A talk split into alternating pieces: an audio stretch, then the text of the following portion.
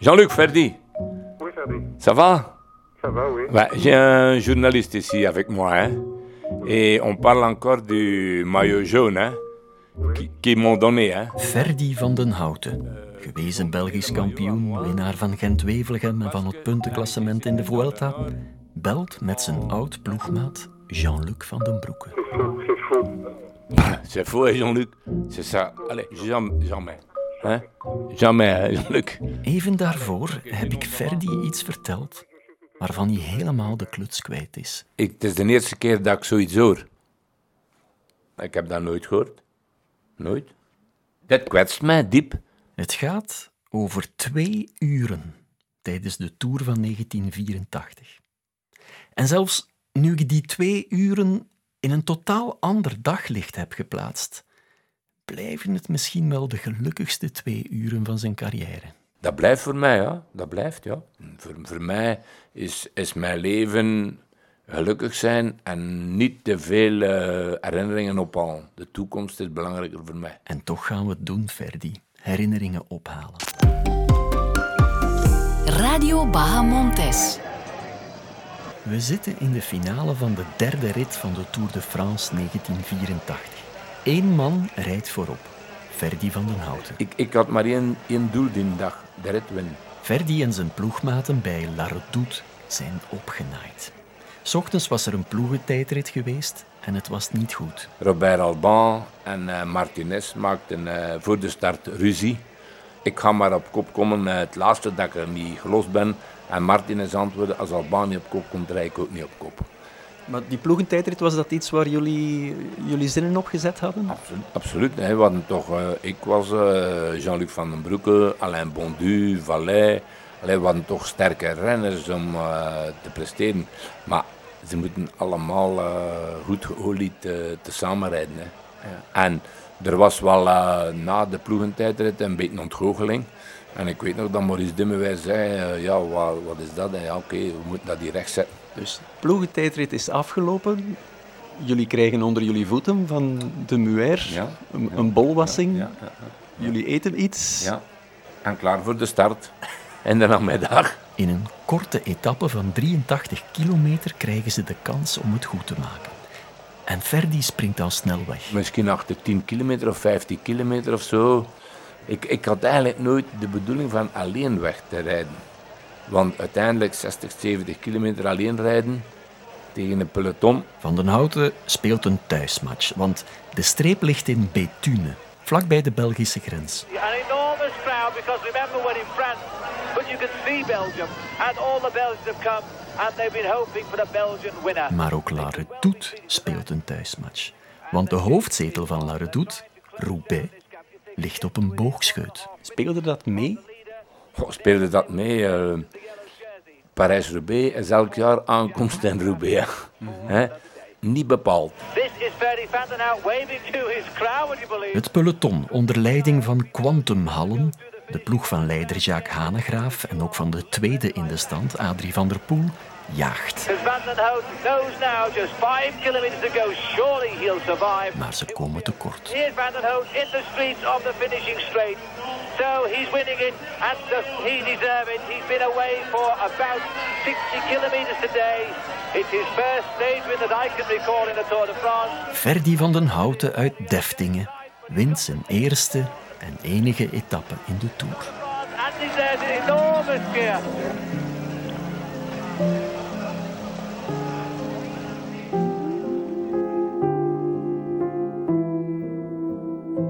Ik was eh, in de eerste plaats fier op mijn eigen zelf. Maar ik heb daar ook niet lang bij stilgestaan. Dat geloof ik niet. Nee, ik heb daar echt niet lang bij stilgestaan. Nee, nee voor mij ging het leven eh, verder en eh, moesten we verder eh, denken aan, aan de toekomst. Maar toch eerst de ceremonie protocolair. Een zeer bescheiden ceremonie protocolair. Ja, we hadden altijd een verzorger aan de aankomst. Hè. En iedereen was wel best gelukkig. Hè. En dan mochten naar het podium gaan. En, eh, Is je vrouw daar bijvoorbeeld Nee, nee, mijn vrouw was er niet. Nee, Nee. nee. Eh, die moest werken, hè, want zoveel verdienden we niet. maar ehm, naar het podium en eh, ze moest niet jaloers zijn, want er was geen enkele mis op het podium. Er was wie... Ik denk dat dat altijd de schoonvader was van Joop Zoetemelk, hè. Die een beetje een ceremoniemeester was, hè. Ja, en daar, daar moest je het mee doen. Ja, en dat ja, kreeg ik een eh, mijnwerkerslamp en eh, een leeuw, hè. Van Credilion, hè. De mijnwerkerslamp hangt nog altijd in de living en de leeuw, daar hebben de kleinkinderen veel plezier aan beleefd. Maar Ferdi krijgt ook nog iets anders. Ik was ik zo gelukkig met die overwinning dat ze zij mij naar het podium brengen en zeggen, ja, je hebt ook de hele trui. En dan heb ik de hele trui gekregen Ja. op het podium. Ferdi is niet de man van grote wilde festiviteiten. Nee, de toekomst is belangrijker, weet je wel. En dus, zoals elke avond, trekt hij zich na de plichtplegingen terug op zijn hotelkamer. Ik had graag eh, een paar uren voor mij alleen. Ik had graag eh, een beetje literatuur mee. Wat las je tijdens de tour? Goh, eh, vooral romans. Als ik het zeg, eh, niemand die gaat het geloven, maar ik heb alle boeken van Consalik gelezen, omdat dat gemakkelijk leest. Of het Liefdesnachten in de taiga of Nadia de dochter van de duivel was, dat weet Ferdi niet goed meer. Maar in alle geval, terwijl hij ligt te lezen, wordt er aan zijn deur geklopt. En dan kwamen zij mij melden dat ik niet de hele trui had. En ik zei, oh, dat is ook goed. Ik heb ik daar niet verder over eh, gediscussieerd. Hè. Hè, als- Wacht, als- er komt iemand binnen in jouw kamertje. Hoe, hoe gaat dat dan? De pers, de pers was dat, hè. Niemand officieel van de Tour de France, hè. De gele trui is Ferdi na twee uur kwijt. De mijnwerkerslamp en het leeuwtje mag je natuurlijk houden. En wat is de uitleg dan? Ja, dat ze misrekend hebben in tijd. Ah Ja, oké, dat ze misrekend hebben. Fouten moeten eh, verbeterd worden, hè. Ik heb dat daar nooit moeilijk mee gehad. Die avond komt een bode van de organisatie aan bij het hotel van Quantum Hallen. Hij heeft een bruine envelop bij, met daarin een gele trui voor de nieuwe leider. De nieuwe gele truiendrager was Adrie van de Poel, hè. En terwijl Adrie van der Poel zijn trui past, leest Ferdi van den Houten gewoon verder in zijn consalik. Nee, niemand heeft daar eh, over eh, boos geweest. Nee. Een, een beetje een ontgoocheling misschien. Ja. Maar tussen ontgoochelen en boos zijn is er nog een groot verschil. Hè. Ferdi, ik heb gebeld met Adrie van der Poel. Willen we samen luisteren wat hij, ja, ja. wat, wat hij te zeggen heeft? Ja, ja, ja, oké.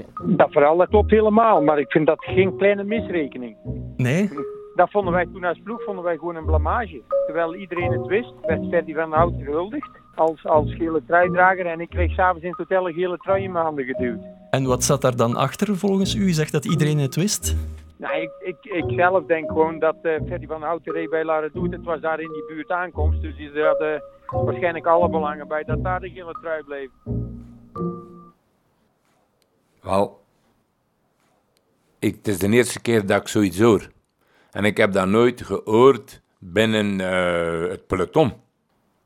Dit kwetst mij diep. In gans mijn leven wil ik niets dat ik niet verdiend heb. En als ik die een dag inderdaad de gele trui zou gekregen hebben, omdat de aankomst in het noorden was, dat, dat kan ik mij moeilijk voorstellen. Dat ASO, de jury en zulke fouten zouden maken. Ik kan me dat niet voorstellen. Ik zie Ferdi, de minzaamheid zelf, beetje bij beetje uit zijn rol vallen. Adrie- als ik dat nu hoor van Adrie van de Poel, ja, dan val ik van de zolder in de kelder, want ik heb het nooit gehoord. Dus eh, nu dat ik dat door, ga ik mij toch een keer eh, verder informeren daarover. Ik ga over een hele goede vriend, Jean-Luc van den Broek, eh, daarover bellen. En met Philippe Crepel, spijtig genoeg, kan ik het niet meer vragen aan Maurice Dimmeweir en aan Jeff Brakkeveld. Maar ik ga het zelfs vragen aan Jan Razen in Leider van de Schuren als ik die mensen zie. Ik ga direct bellen naar Jean-Luc van den Broek. Oké.